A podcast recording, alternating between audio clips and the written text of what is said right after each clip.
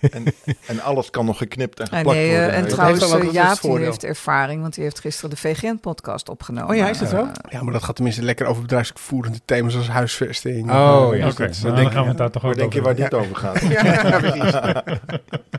Laten we deze betekenisvol maken. Zeker, Mooi. zeker.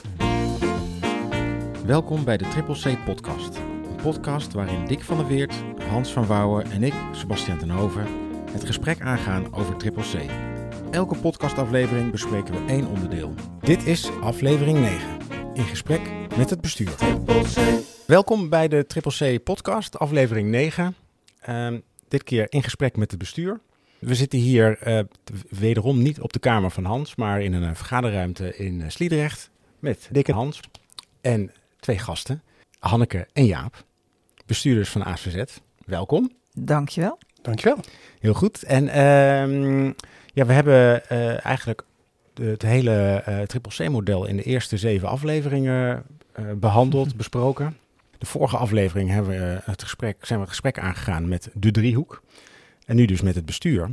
En ehm, ja, voordat we Jaap en Hanneke gaan vragen naar hun ervaringen, ik dacht zo lezen door het boek en terugluisterend naar de afleveringen, hebben we het eigenlijk heel weinig over de rol van bestuurders gehad eh, in Triple C. Ja, Ja. mooi. Ja, mooi is dat, hè? Daarom is het denk ik ook zo'n leuke podcast. Op. Als wij er niet in voorkomen, is het fijn. Ja, Ja. ook zo'n goed boek waarschijnlijk. Ja. Maar we hebben er toch een, een diepere reden mee. Hè? Ja. Ja, nou, ja, ik, ik, neem niet, ik neem aan dat het niet de reden was. Maar wat, wat, wat is eigenlijk de rol van bestuurders in, eh, in het Triple C? Nou ja, dat is grappig dat je dat vraagt, want in dat boek komt dat inderdaad niet zo heel erg aan de orde. Misschien wel omdat wij bij ASVZ werken en het heel erg vanzelfsprekend is dat die bestuurders daar eh, dat faciliteren en daarachter staan en, en dezelfde visie uitdragen. Ehm, want dat is wel een essentieel dingetje, denk ik. Dat als je een organisatie hebt waar allerlei goedwillende mensen zeggen: Oh, wij gaan met Triple C werken en behandelaars en managers en middelmanagement enzovoort. Maar die bestuurder die, die denkt van nou ja, eh, voor mij hoeft dat allemaal niet. En eh, dan krijg je natuurlijk toch op een gegeven moment wrijving, schuring. Als het gaat over dingen concreet maken en dingen willen organiseren. Ja. En de bestuurder zegt dan van, van waar zijn jullie in vredesnaam mee bezig? Ja, ja. Dat is dus super essentieel. Maar als het goed loopt, hoor je ons er niet over.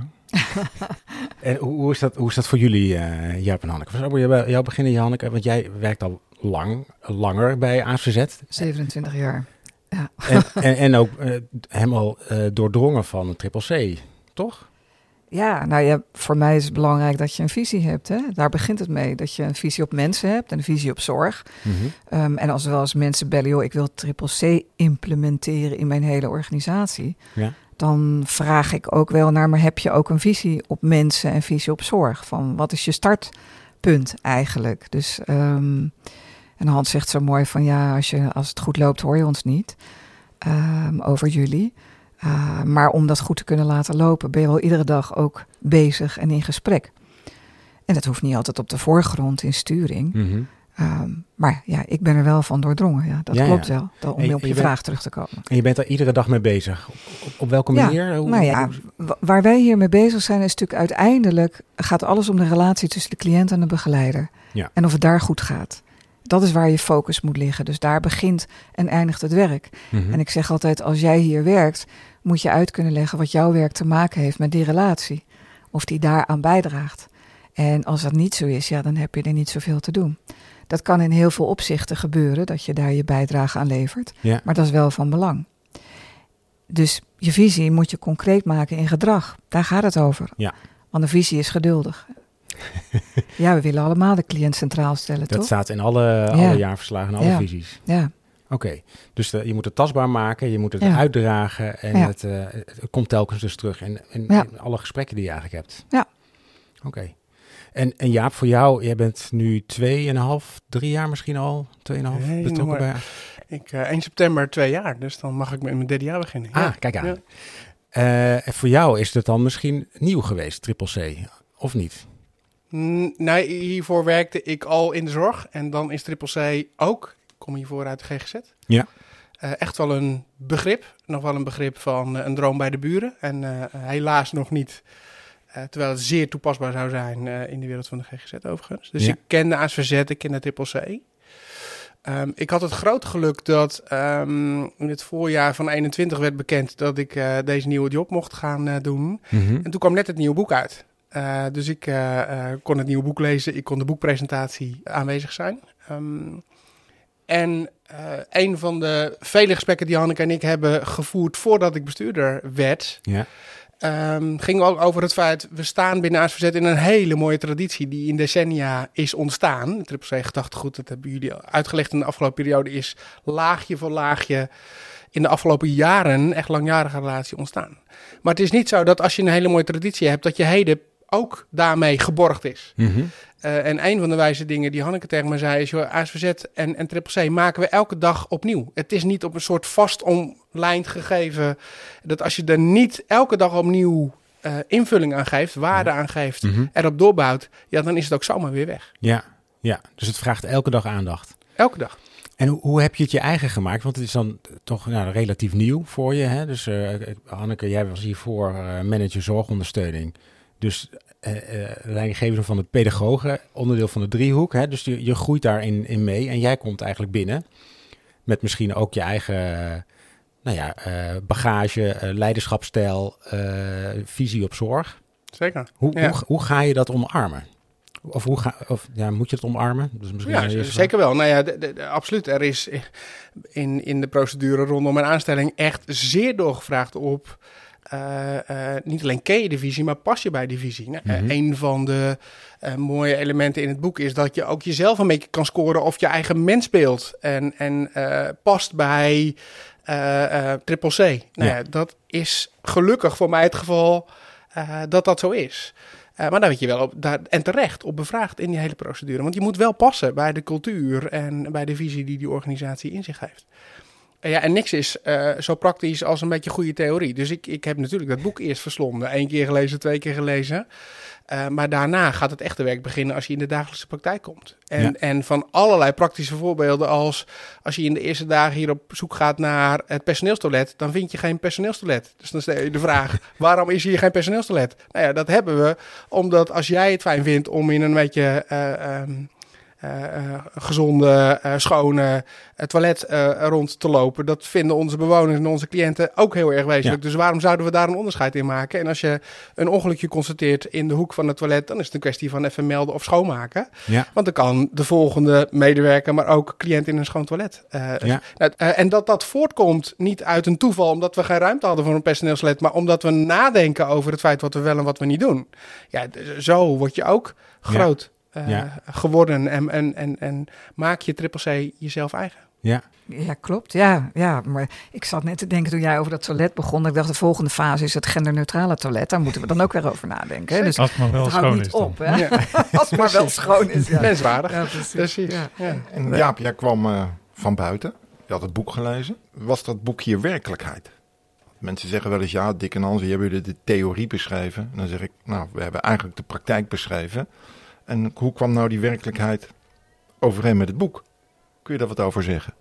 Nou, wat voor mij erg prettig was, dat je uh, vanaf de eerste ontmoetingen voelde dat je niet in een, zeg maar, uh, een warm bad kwam, omdat de theorie zo lekker uh, op orde is. dat ook dat je werkt, dat er een visie is beschreven die mensen weten te herhalen, weten te citeren. Uh, maar dat het ook in de dagelijkse praktijk uh, gepoogd wordt om invulling te geven. En nog eens, de ene keer lukt dat hartstikke goed en de andere keer lukt het ons ook gewoon als organisatie niet. Dat Mhm. wist ik toen ik binnenkwam en dat weet ik twee jaar later ook. Uh, dat er ook bij ons echt meer dan ehm, vaak dingen niet goed gaan. En een van de organisatiewaarden, los van Triple C, is dat we bescheiden en trots zijn. Dat heeft alles daarmee te maken, dat we het ook in die volgorde Mhm. doen.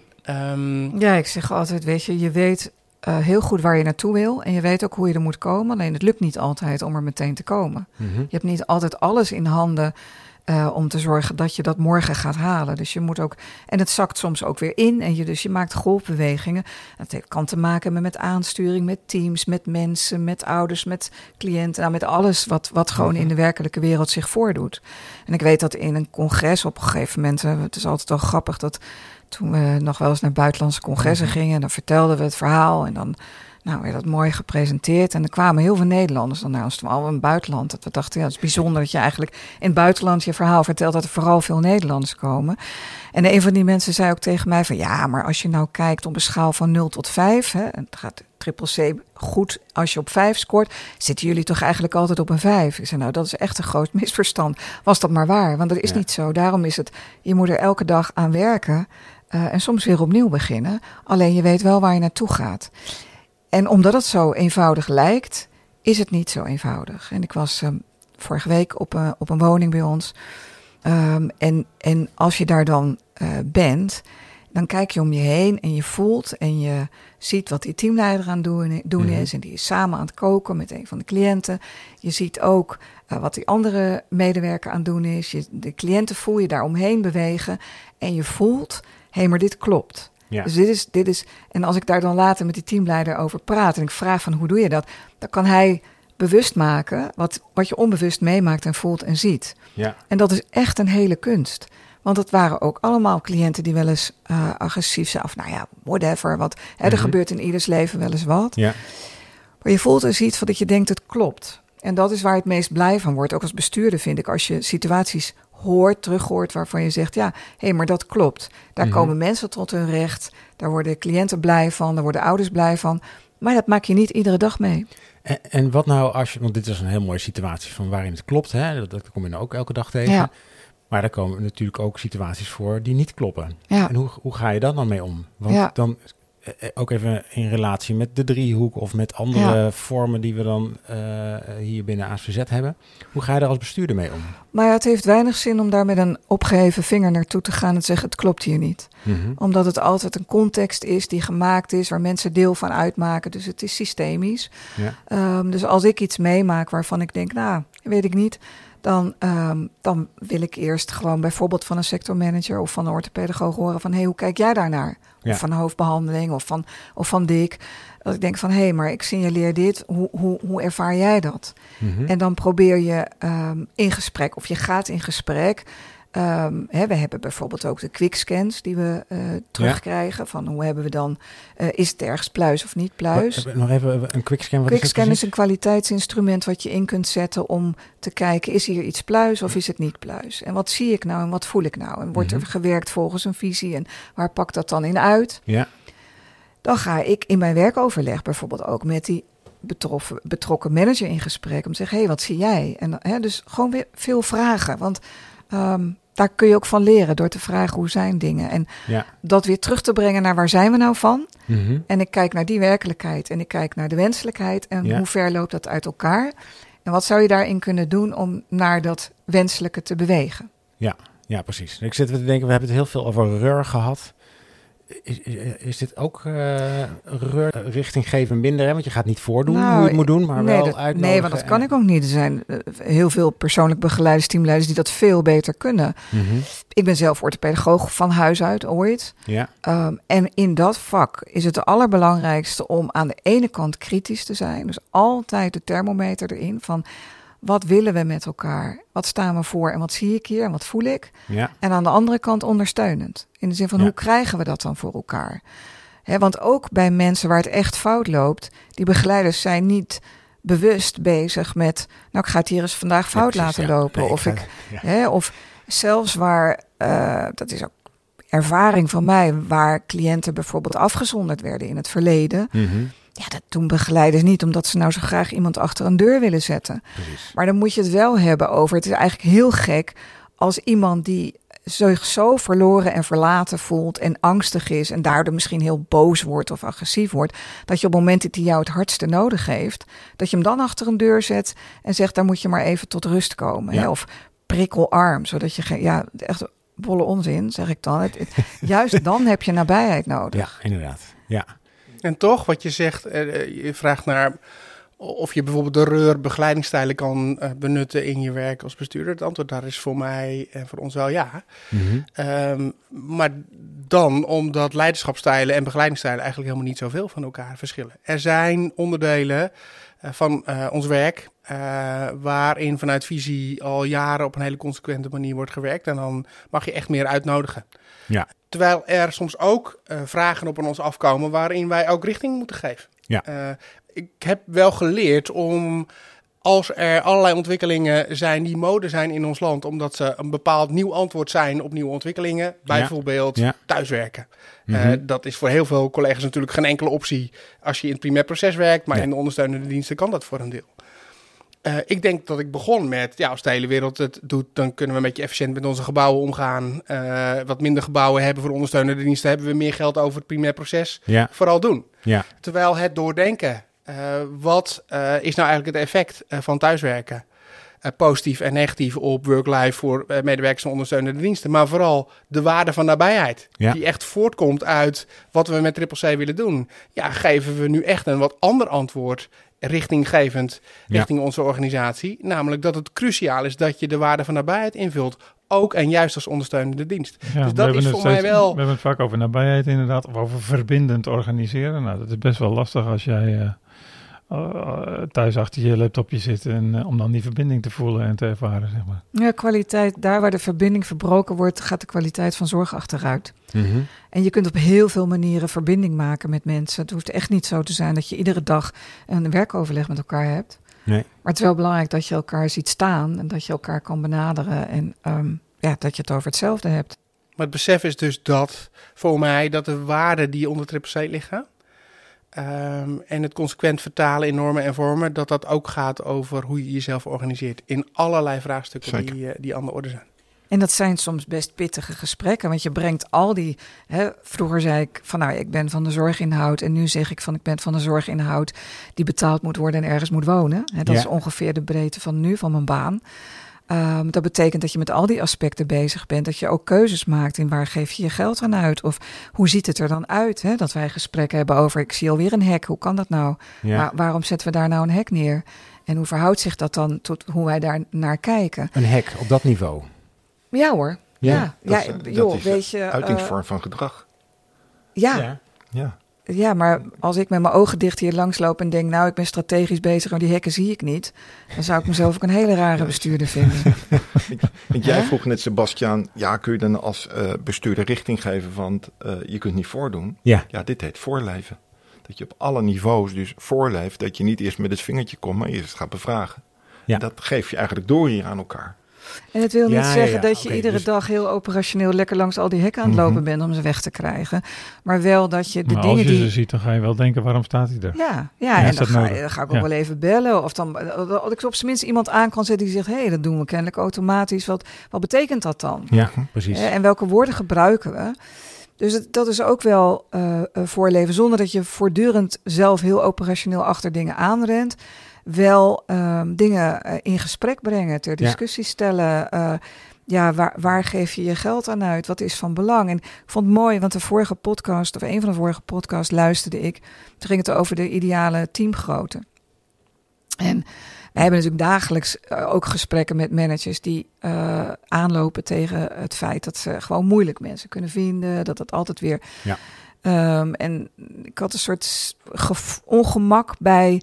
Ja, zeggen we dat nou in theorie en wat doen we nou in de praktijk? En soms lukt het ook gewoon niet en kan het ook niet. Dan krijg je dat gevoel. Nou, in de loop van de podcast werd dat minder, omdat ik dacht, weet je, je blijft een streven en een norm houden. Ja. En je blijft datgene wat je er tegenaan zet in de praktijk met elkaar vergelijken. Dan kan je nog een keer zeggen: Oké, het lukt nu niet. Maar je, maar je geeft wel aan wat je belangrijk vindt. Ja. Omdat je niet zegt weinig, niet een heel groot team vanuit eh, kosten of wat dan ook. Nee, vanuit gehechtheid en eh, gezichten voor cliënten. En wat wil je dan? Wil niet zeggen dat ook wij niet veel pnil hebben, veel meer dan we zouden willen hebben. Mhm, mhm. Hè, personeel niet in loondienst.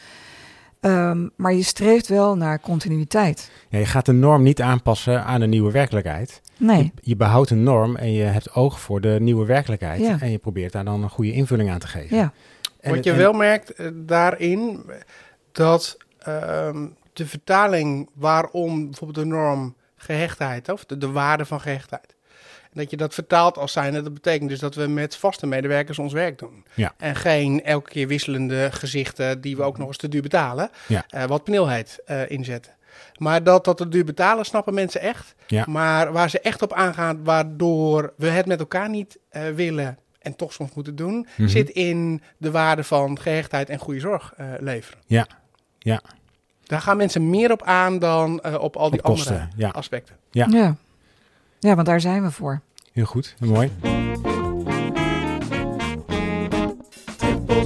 Ik had het in het begin niet eens gezegd, maar we hebben een rubriek Ja. anekdotes en eh, vragen van luisteraars, opvattingen en misvattingen. In de rubriek anekdotes vroeg ik me af of jullie nog een leuke anekdote weten. Wow, Voor- dit heb ja. je niet van tevoren gevraagd. nee, nee, nee, dit is allemaal eh, spontaan en eh, ter plekke. Nou, er komt wel een hele mooie anekdote bij mij boven. Dat was ook van zo'n congres waar eh, Hans en Dick en, en Lucie allemaal presenteerden. En was ook een van onze cliënten mee. Een van de cliënten die had echt een heel goed verhaal. Want die kon zelf heel goed verwoorden wat de manier van werken met Triple C voor haar meebracht. En zij ging haar verhaal vertellen.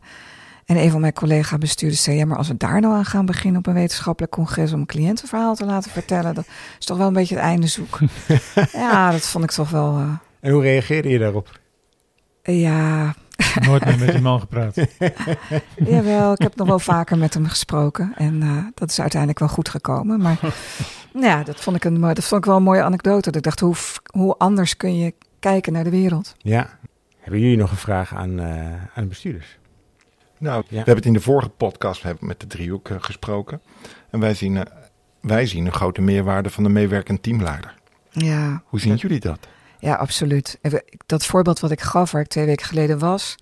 Dan zie je dus het voorbeeldgedrag op de werkvloer. Mhm.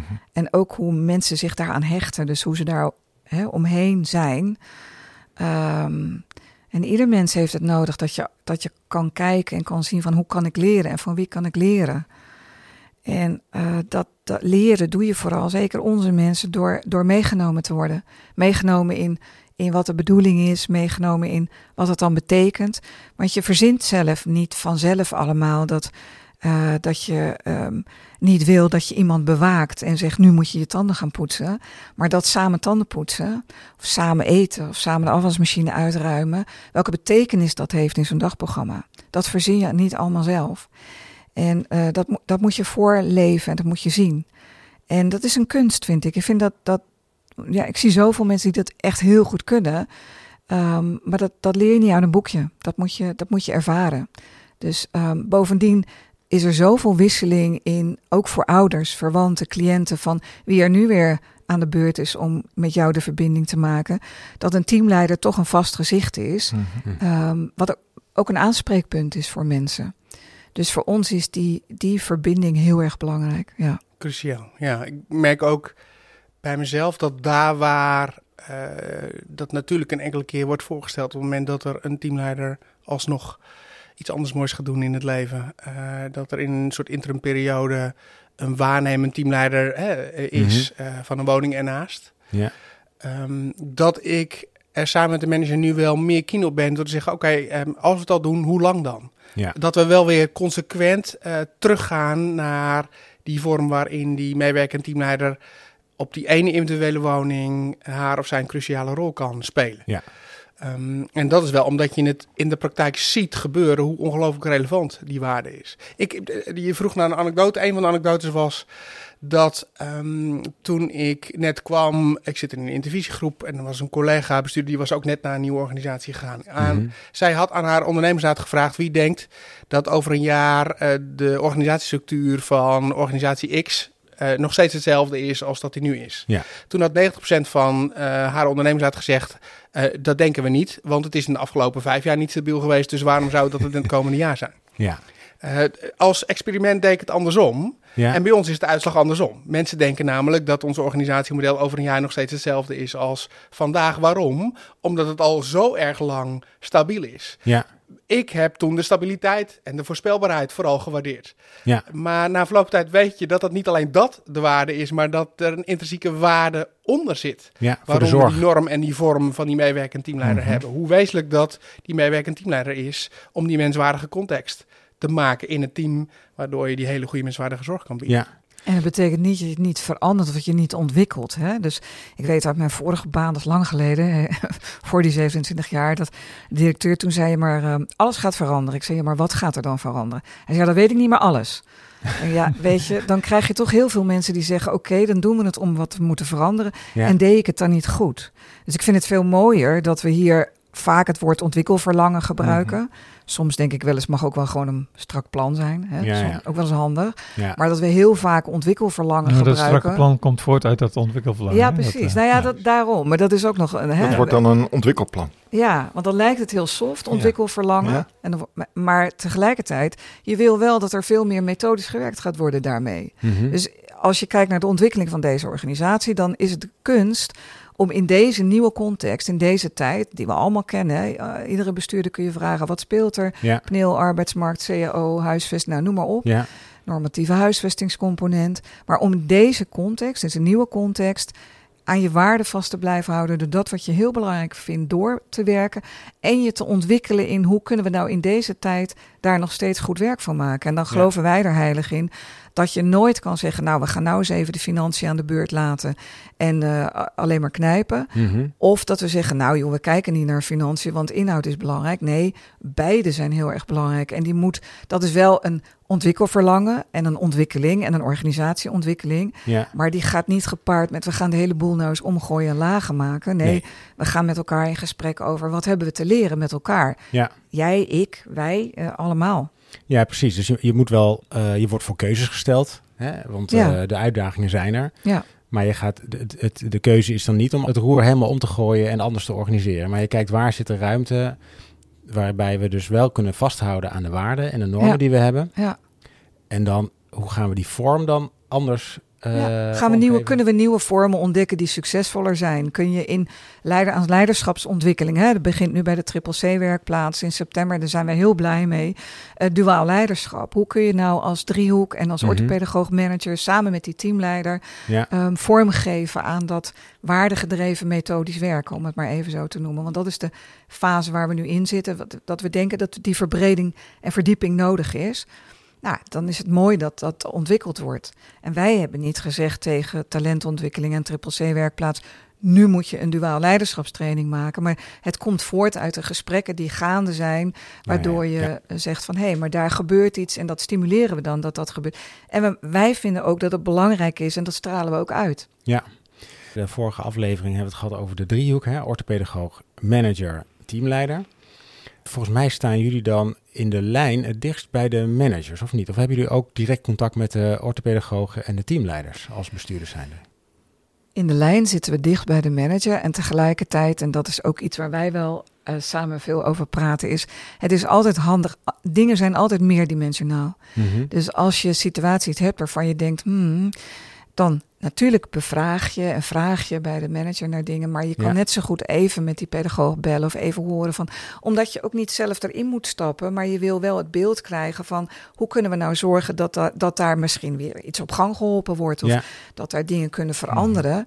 Ehm, dus je moet als bestuurder wel altijd de totale dimensie zien. Dus niet één dimensie en denken, nou dat is een werkelijkheid. mhm. Maar juist ook proberen die dimensies bij elkaar te brengen. Oké. Dus je gaat ook wel En eens... natuurlijk doe je het een keertje niet. In ieder geval, deze bestuurder heeft het dan een keertje niet gedaan. Hè? Dus de- precies wat jij voorspelt, omdat die lijn met die manager dichterbij is dan de orthopedagoog, neem je de probleemdefinitie van de manager over als er een, een veel bredere definitie van een vraag Ja, ja, ja. is. Nou, dat leer je dan een keer.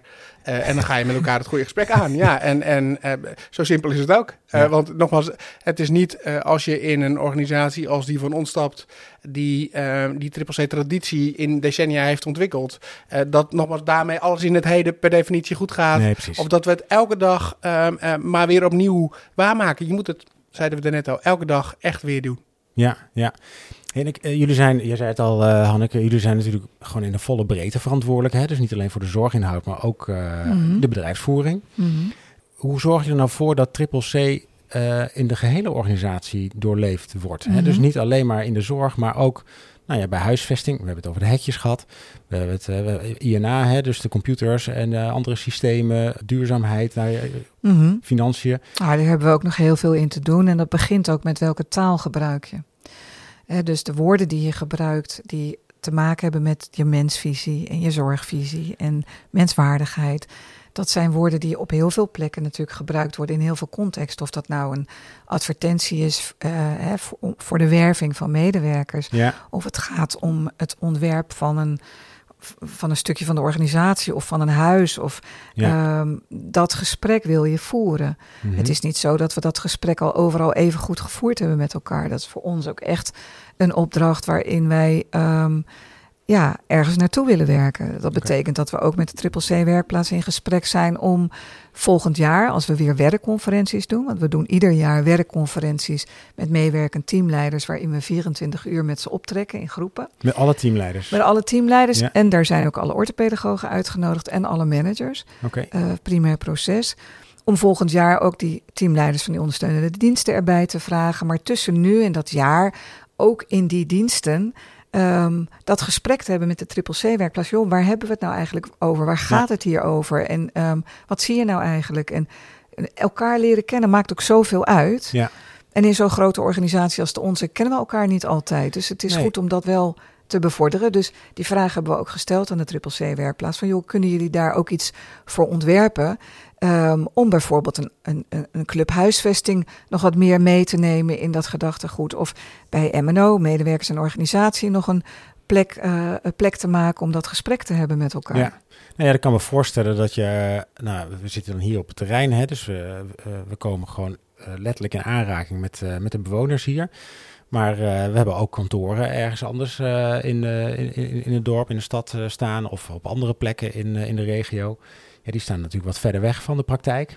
En dan ben je gewoon nou, efficiënt bezig met je bedrijfsvoering organiseren. Hè? En dan, eh, ja, dan, dan, dan verlies je misschien eh, de praktijk uit het oog. En denk je, nou, nu, nu gaan we het op deze manier doen. Want dit is het beste voor de organisatie. Helemaal waar. Ja, nee, waar, dat risico is er. Eh, en het ontstaat ook bij ons. En tegelijkertijd zijn er een aantal zeer beproefde vormen. Eh, bijvoorbeeld in die hele grote organisatie heb je toch eh, één keer per jaar dat 24 uur contactmoment. Eh, om met je teamleiders in contact eh, eh, te zijn. Nou, dat Ja. is een van de dingen die ik thuis even moest contracteren toen ik bestuurder werd in deze organisatie. Je bent ongeveer een maand van huis af, omdat, maar daar komt ander, andere nabijheid voor, krijg je daarvoor terug. Ja. Dat is een wezenlijke vorm. We hebben onze portefeuilles als bestuur ook niet verdeeld in een klassieke zin. De een is er voor de bedrijfsvoerende thema's en de ander voor de inhoud. Want dan heb je de wrijving eh, al ongeveer op bestuursniveau georganiseerd. En de kolommen. Ja. Nee, eh, allebei eh, eh, een, een zeer groot portefeuille in het primair proces. En allebei verschillende diensten in die ondersteunende Ja. processen. Vanuit, de- vanuit visie. Niet omdat het het meest efficiënt is. Nee. Maar vanuit, vanuit visie hoe je goede zorg eh, wil leveren. En dan- dan ben je ook samen verantwoordelijk en samen 100% eh, als Ja, bestuurder zijn. Zeker, Ja. want de complementariteit is ook van belang. Hè? Dat is ook iets in, in de ontwikkeling van ons management, denk ik, dat we, hè, ik zeg wel eens van individueel leiderschap naar collectief leiderschap. Dat is dat zoiets wat in je hoofd vast gaat zitten. Hè? Dat je Ja. denkt, hé, hey, maar dat is waar we naartoe moeten. Want je kan in deze tijd je opdrachten niet meer in je eentje doen. Alleen al, de een heeft misschien een goede medewerker over. Hè? Ja, ja. En de ander komt er één tekort. Ja, als je dan denkt, ja, maar dat is mijn medewerker, die kan alleen in mijn volkstuintje zijn werk doen. ja. Ja, dat gaat niet werken. Dus je hebt elkaar heel hard nodig. Eh, en dan mag je ook van elkaars talenten, eh, eh, elkaars talenten benutten. Ja. Dus die complementariteit is heel belangrijk. Want gelijkluidende waarden betekent niet dat je allemaal precies hetzelfde moet zijn en precies hetzelfde moet doen. Mhm, mhm. Hè, dat werd vroeger in de orthopedagogiek of bij andere organisaties waar Hans en ik ook wel samenkwamen. Dan zeiden ze nou, dit moet nu precies als die medewerkers nou allemaal precies hetzelfde doen, ja, dan gaat het goed komen met Ja, de cliënt. Ja. dat is ook niet zo. dat is zoals in, de- in de Ford eh, autofabriek. Ja, dat, Ja. zo werkt het niet. Nee, nee, precies. De rubriek vragen. Wij krijgen eh, vragen binnen op uh, triple-c apenstaartje. Eh, nu zijn er geen vragen binnengekomen over eh, specifiek het bestuur. Ja, dat zie Maar- Die komen, die komen de volgende keer. Die natuurlijk. komen, ja, die komen de volgende keer, ja. Nee, ehm, maar eh, er is wel een vraag binnengekomen die hier een beetje tegenaan eh aanschurkt, volgens mij. En die komt van Benjamin uit eh, de Achterhoek, of misschien zelfs de Liemers, eh, om precies te zijn. Hij heeft, heeft een vrij lange mail eigenlijk. Maar als ik het parafraseer is dat, het, eh, dat hij werkt met Triple C in zijn organisatie, in zijn team. Met een heel fijn team met negen medewerkers, een verhouding 2 op 4, dus een kleinschalig team. Veel voorspelbaarheid, duidelijkheid en eh, cliënten met eigen regie. Ehm, alleen die kleine woonvorm is financieel niet meer haalbaar. Dus nu komt de eis Eh, hij schrijft niet waarvan, maar de eis komt om het uh, 2 op 8 te gaan organiseren. En nu is zijn vraag: hoe krijg je vier cliënten die verkapt om één op één begeleiding vragen, passend in een woonvorm van 2 op 8? of is dan de context niet goed en is de instelling slash overheid of de financier dan aan zet? Dus ik dacht, dat is een, een leuke vraag voor jullie twee, uh, Dick en Hans, maar ook voor jullie twee, uh, Jaap en Han. Ja, ja, wie, uh, wie wil het bal openen? Nou. Nou, ik wil wel beginnen met, het, want we hebben het altijd eerst over de begeleiding en behandelingen. Ja. Dus die, die twee op vier, dat, dat, snap ik, dat voor sommige cliënten die heel intensieve zorg nodig hebben, is dat soms passend. -hmm. uh, ja, als dat goed loopt, dan kan je afvragen van, zit daar dan ontwikkeling in? Dan gaan die mensen, zijn die aan het groeien in emo emotioneel opzicht? Zijn ze, krijgen ze vertrouwen in hun omgeving? Krijgen ze ja. vertrouwen in de ander? Krijgen ze een beetje zelfvertrouwen? Ja. Dan zou je op termijn natuurlijk met minder intensieve begeleiding toe kunnen. Maar Ja. als, ik, als ik dit zo hoor, lijkt het me meer vanuit van een andere orde. Van we hebben twee op vier en het is een beetje te duur. Ja, Eh, misschien kunnen we beter naar 2 op 8. Of binnen onze organisatie moet het allemaal 2 op 8 worden. Ik weet niet wat erachter zit. Mhm. nee, En kan dat dan zomaar? Ja, ik, er zijn natuurlijk voor de cliënten die het echt heel hard nodig hebben, zijn allerlei eh, mogelijkheden om ook financiering eh, voor elkaar te krijgen. ja. En dan lijkt me dat geëigender, eerlijk gezegd, om, te, om te, aan te tonen dat je het heel erg. Dat die cliënt dat heel erg nodig heeft en dat jij eh, daarin de goede dingen doet. ja. En vervolgens dan met zorgkantoor om de tafel te zitten. In plaats van eh, te zeggen van nou 2 op 4 is te duur en het moet 2 op 8 worden. precies. Oké. Maar dat is misschien te gemakkelijk gezegd als ik eh, naar Jaap of Hanneke eh, kijk. Mhm. Nou, nee, maar het is ook, kijk, in, in de vraag zit, we werken met triple C en bijna zit erin en dat is 2 op 4. En, en er zijn Ja, dat is natuurlijk de andere kant. ja, dat dat, is de andere, cool. dat, is, dat is ook niet zo. Dus, je, dus, dus het is je kan best met triple C werken op, met 2 op 8, maar het gaat om Ja. de intensiviteit Ja, of precies. de intensiteit kijkt- van, de, van de begeleiding. En dan Ja. kijk je naar de zorgvraag van die cliënten. Dus je kan variaties maken. Maar als je zegt, ja, we werken allemaal, werken allemaal in 2 op 4, kleinschalig. en We moeten nu naar 2 op 8. Ja, dan varieer je ook niet meer. Nee, Dus je kan ook dat is kijken een naar... enorme sprong ook gelijk. Dat is een enorme sprong. Dus Ja. je kan ook kijken van zit er iets tussenin? Voor wie is nou, voor wie hebben we dit nou georganiseerd met 2 op 4? Met welke financiële basis? Want die Ja. kun je ook gewoon uitrekenen. Hè, hoeveel, hoeveel komt er binnen? ZZP 7, hoeveel meerzorg hebben we aangevraagd? Klopt Ja. dat? Zijn we ook bezig om dat te proberen af te bouwen? Hoe begeleiden we dat? In die zin gaan inhoud en geld ook altijd samen. Dus, dus dan is het, dus het lijkt mij overal bijzonder om te zeggen, nou, we moeten gewoon van 2 op 4 naar 2 op 8. Ik zou meer kijken naar wat is de bodem van iedere, ja, van iedere ZZP. En, Ja. en hoe organiseer je dan voor de een iets kleinschaligers en voor de ander eh, kan je wellicht doorontwikkelen naar iets minder intensieve eh, bezetting. Nou, dat is toch maar ja, individueel eh, goed kijken naar waar je mee bezig bent. Ja, ja. Ja, ik En denk niet dat als generiek. die vraag bij ons binnen zou komen in onze eigen organisatie, dan zeg nou, dat is de start van een goed gesprek. Eh, eh, door niet één op één de definitie van de mail maar over te nemen, maar eh, wat is de vraag achter de vraag? En Ja. op welke waarde eh, stuiten we nou eigenlijk die hieronder Mhm. zit? ja. Waarbij het inderdaad wel zo is dat inhoud en bedrijfsvoering altijd met elkaar te maken hebben. En waar het gaat om bedrijfsvoering, dat het altijd gaat over niet alleen de factor kosten, want daar lijkt het nu over te gaan, namelijk Mhm. de verhouding cliënten, medewerkers die je inzet. Maar het heeft ook altijd te maken met opbrengsten. En welke Ja. opbrengsten kun je genereren en, en eh, levert ook eh, maatschappelijk de meeste waarde. Ja. Dus het is, eh, de, de, de- een vraagstuk als dit heeft altijd veel meer dimensies. En ik geloof, eh, eh, een, een diagnose op afstand, eh, dat doen we niet zo vaak. Dus het lijkt me ook vandaag. Nee, nee, nee. Nee. Aansluitend op deze vraag eh, Ja. hoor ik zelf ook al vaker de vraag van... eh, ja, maar is dat werken met triple C nou niet veel duurder dan Mhm.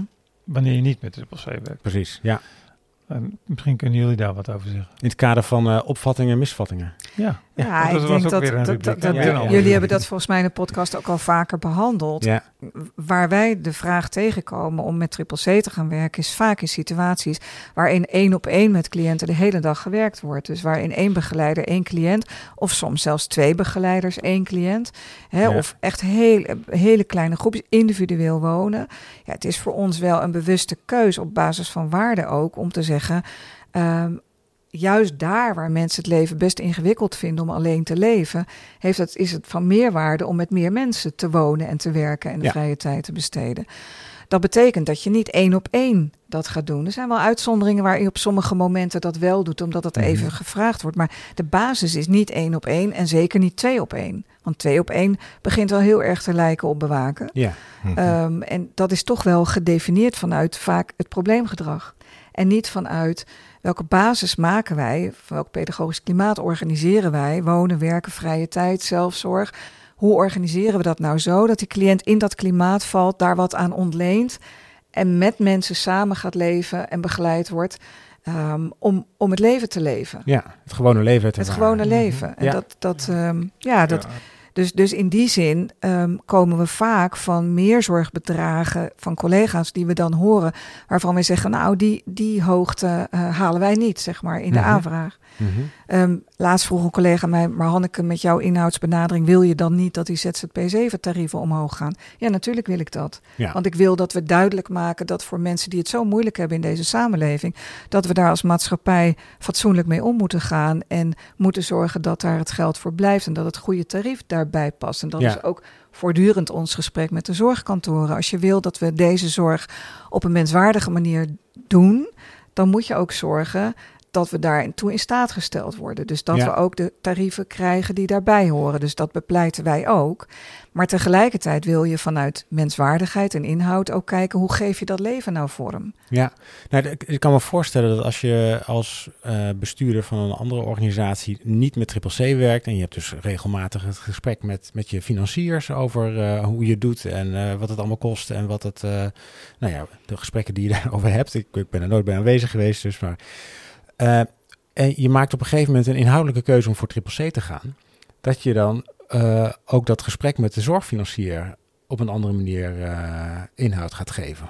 Of eh, staat het daar los van? En het Nee, meest cruciaal is van. dat je het motief waarom je het met Triple C Dat dacht ik. triple C. Hmm. eh, Ja. ja, dat, dat, de meest belangrijkste vraag is dat motief. Want even, SEC, feitelijk is het zo dat triple C niet duurder is dan andere begeleidingsmethodieken of zorgvisies. Sterker nog, in zijn consequentie eh, zou je kunnen zeggen dat je meer maatschappelijke waarde voor dezelfde euro krijgt. Ja. Alleen als dat SEC het motief wordt, Ja. en helaas horen we dat nog wel eens, dat collega-zorginstellingen naar ons toe worden gestuurd. Ga eens met ASVZ praten, want Dat is goedkoper. ja. dat is goedkoper. Dan, dan begin je met, dan, dan zit je met de verkeerde, eh, eh, wat ons betreft, in ieder geval, eh, startvraag aan tafel. Nou, Ja. dat, alles mag, Ja, maar eh, als dat het motief is en blijft, ja, dan, dan zit je aan de verkeerde kant van de touw eh, te trekken. De Ja. consequentie van het werken met Triple C is dat we eh, wat kosteneffectiever kunnen opereren dan menig andere organisatie. Maar dat is de consequentie, dat is niet het doel. Nee, nee, precies. nee, want dan kom je toch weer bij dat verlangen. Is je verlangen om kosten te verminderen? Het is een financieel eh, oogpunt. Of zeg je nee, we willen je gehechtheid bevorderen. En ook in deze vraag staat eigenlijk verkapte één op één begeleiding nodig hebben. Dan blijft er dus een één op één gedachte zitten. En dat zie ik natuurlijk in heel veel situaties gebeuren. Of twee op één, één op één. Als je dan gaat zeggen we gaan met triple C werken. En mensen gaan triple C definiëren als 2 op 4. Ja. En de gedachte blijft 1 op 1. Dan is er een heel traject te gaan. Wat je in ontwikkeling moet zetten.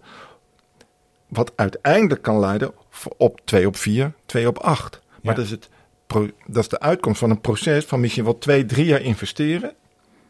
En dan komt het, daarom zitten onze bestuurders hier. Die hebben dat ook met elkaar voor te leven. Op niveau van het bestuur, op niveau van de manager, orthopedagoog.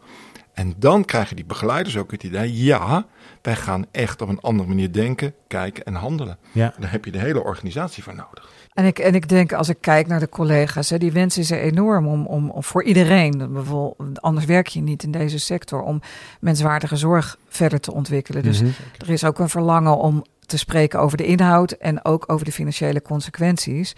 Ehm, en de aanvliegroute is mooi als je die vanuit de inhoud kan doen. Ja. En ook wij moeten dat bij elkaar brengen en zorgen dat dingen betaalbaar blijven. En dat we daar ja, verstandige keuzes in maken. Dat is geen sinecure in deze tijd. Ehm, dus we hebben Dat ook klopt. veel contacten met collega's om Mhm. daarover te spreken. En eh, samen te kijken van eh, hoe kunnen we elkaar daarin ondersteunen. En dat is mooi. Want daarom zeggen we ook in, in dat boek: een verlangen is je wilt ergens naartoe. Ja. In plaats van veel ergens van af. Hè? Dus ergens naartoe is Ja. een positief vertrekpunt. En wij zien als neveneffect dat het opeens allemaal betaalbaar wordt als neveneffect.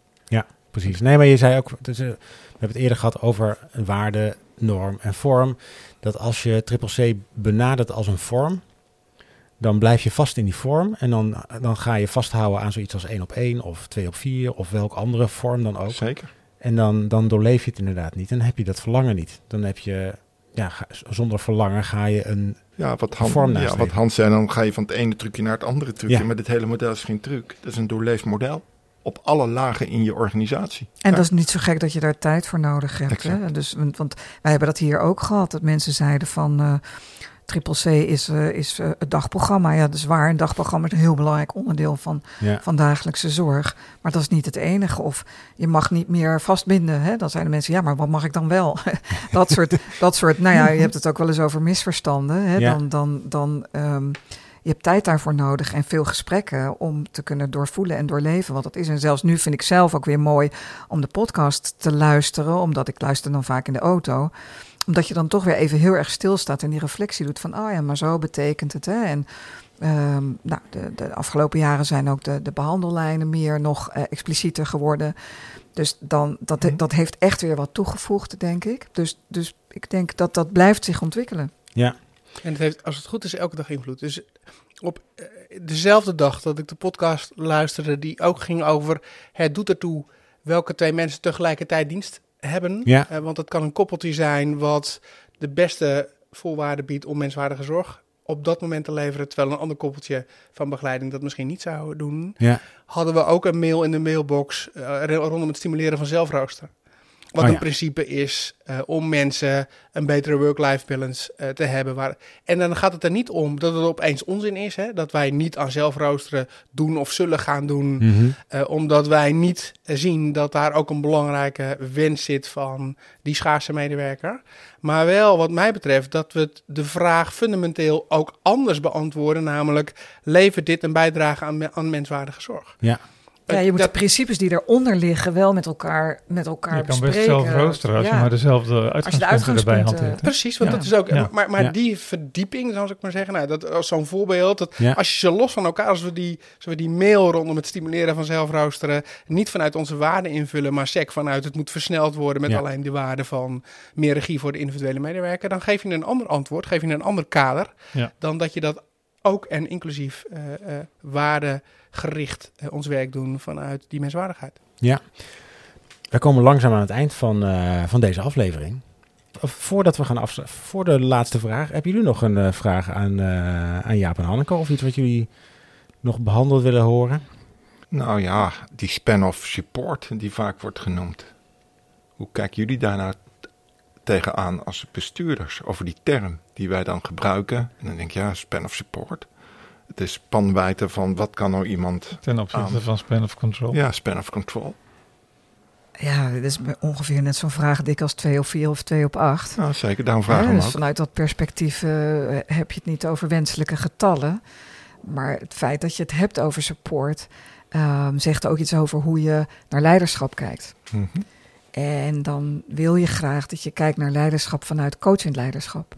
Dat je mensen ondersteunt om iets te realiseren wat je met elkaar wil. Wat je Mhm. met elkaar hebt vastgesteld, bedacht, besproken. Dat je daar naartoe wil.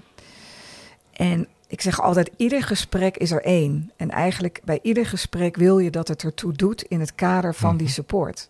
Mhm. Dus bedenk nou als je een vergadering, heel vervelend vergaderingen, of een overleg of een gesprek. Ja, wat wil je daarmee? Wat wil je bereiken? Ehm, want dat doet ertoe. Dan kan soms één gesprek, wat je in eh, misschien waarna, waarna je weer heel lang geen gesprek hebt, heel veel impact hebben. Mhm. Zo iedere week een werkoverleg waarin je weer bovenaan begint met hoe was het gisteren. Dat weet ik niet, want toen heb ik niet gewerkt. Hè, dat komt wel eens voor. Mhm. Ehm, dat je dan niet eh, de lijn te pakken hebt die je wil pakken. Nee. Dus het woord support is heel belangrijk. En het is iedere dag weer je afvragen of je datgene wat je met elkaar wil bereiken, of je dat in deze constellatie kan be- bereiken. En of de rollen die in, ieder daarin inneemt ook nog kloppen. En of je Mhm. daar misschien iets in moet ontwikkelen. Ja, wat voor mij zo is, is dat wat begon als... Ik vind span of support echt veel leuker klinken dan span of control. Dus ik neem het Mhm. gelijk over. Mhm. Eh, Dat het pas na verloop van tijd waarde krijgt. Dat je echt weet wat het verschil is tussen span of control, wat eigenlijk voor mij vooral te maken heeft met het feit of je een beetje verticaal makkelijk kan sturen, of dat het een beetje overzichtelijk is. Maar span of support gaat ook over of mensen zich horizontaal door hun gelijken. Eh, een manager ten opzichte van een collega-manager, een teamleider ten opzichte van een team. Of dat goed functioneert. Mhm. Dus ehm, ehm, ik, ik begon het omdat ik het veel sympathieker vond klinken. En dat is nou eenmaal hoe wij praten binnen ASVZ. En na verloop van tijd krijgt het waarde, doorleefde waarde, als je weet. Maar het gaat bij span of control over verticale sturing en bij span of support over horizontale en verticale sturing. Zo had ik ook, eh, als je het hebt over waarde van woorden en het snappen wat verschillen zijn. In mijn eerste maand had ik een gesprek met een collega-aanbieder. Die had het over het probleem van het feit dat ze te weinig gedragskundigen konden krijgen. Daar ging ik op meepraten. En een collega van mij, van de die naast me zat, zei: Ja, we hebben geen gedragskundigen, wij hebben orthopedagogen. En ik dacht eerst: Ja, what's in the name? Mhm. Eh, maar vervolgens, het is een zeer belangrijk verschil. Namelijk, een gedragskundige concentreert zich op dat gedrag. En een orthopedagoog concentreert zich op dat systeem en wat we nodig hebben in het geheel om goede zorg te leveren. En vanaf dat moment ga je heel bewust en met trots het begrip orthopedagoog en orthopedagogisch behandelklimaat vertellen. Want je ervaart wat het verschil is. Ja. En dat blijft, hè? of wij hebben we het nou over vastgoed of over huisvesting of over wonen. Nou, die, die gesprekken hebben wij ook. Dus taal doet ertoe. Taal doet het toe. Ja. Ja. Hartstikke goed. In de afronding, eh eh, Jaap en Hanneke, eh, aan jullie nog even het laatste woord. Want zijn er nog dingen die jullie willen meegeven aan andere bestuurders die eh, of net beginnen met Triple C of al jaren bezig zijn? Hebben jullie nog eh, iets wat jullie mee willen geven? Ja, ehm, er wordt dan vaak gevraagd: kunnen jullie eens komen kijken of wij wel triple C-proof zijn? Hm. Ehm, nou, we zijn niet de triple C-politie. Dat zou heel naar zijn als we dat, die ambitie zouden hebben, überhaupt. Eh, en er zijn collega's die wel eens zeggen: Nou, ik wil triple C ook in de hele organisatie implementeren. Hm. En beide, hele organisatie en het woord implementeren, geven aan ehm, dat dat misschien niet zo'n haalbaar doel is voor zo'n jaar, bijvoorbeeld. Maar heb het gewoon met elkaar het gesprek over visie. Visie op mensen, visie op zorg. En ehm, probeer dan eens op een paar kleine plekken te beginnen en te kijken van wat betekent het dan? Wat zie ik dan en wat wil ik graag veranderen? Wat is mijn verlangen? Zodat je ergens begint. Ik weet wel, wij hebben al die jaren al achter de rug dat we ergens Ja. begonnen zijn. Ik zei het, altijd, Dick en ik zeiden twintig jaar geleden, als we nou die olievlek kunnen laten werken, dat op meer plekken het werkt zoals op deze ene woning, dan zou Ja. dat hartstikke mooi zijn. Ja, Dus dat is natuurlijk mooi als, als je die ontwikkeling al gemaakt hebt. En dat mag ook wel wat sneller dan in 20 jaar. Maar heb niet de ambitie om triple C organisatiebreed te implementeren. Want zo werkt het niet in dit verhaal. Terwijl je wel het gesprek aan kan gaan over je visie en je doelen en hoe past dat dan bij elkaar. en het verlangen. Je kunt het verlangen niet Ja. opleggen. Nee, je kunt het gras ook niet laten groeien door het uit de grond te trekken. Nee, precies. Nou, dat vind ik een hele mooie afsluiter eh, voor deze podcast. Mag ik jullie eh, hartelijk danken voor jullie eh, bijdrage en aanwezigheid. En Dick en Hans, jullie natuurlijk ook weer. Zeker. Eh rest me nog te zeggen dat eh, vragen nog steeds welkom zijn via azz.nl. En dan eh, gaan we op naar de volgende aflevering. Eh, wa- waar gaan we het eigenlijk de volgende keer over, of volgende keer over hebben ook alweer? De cliënt, hè? Ik dacht dat we met een van de Ja. of twee cliënten zouden spreken. En of ouders. Precies. Want daar doen we dit allemaal voor hier. Dat- per slot van rekening, inderdaad. Dus eh daar kijken we naar uit. Dus eh dank jullie wel. Tot de volgende keer. Groeten.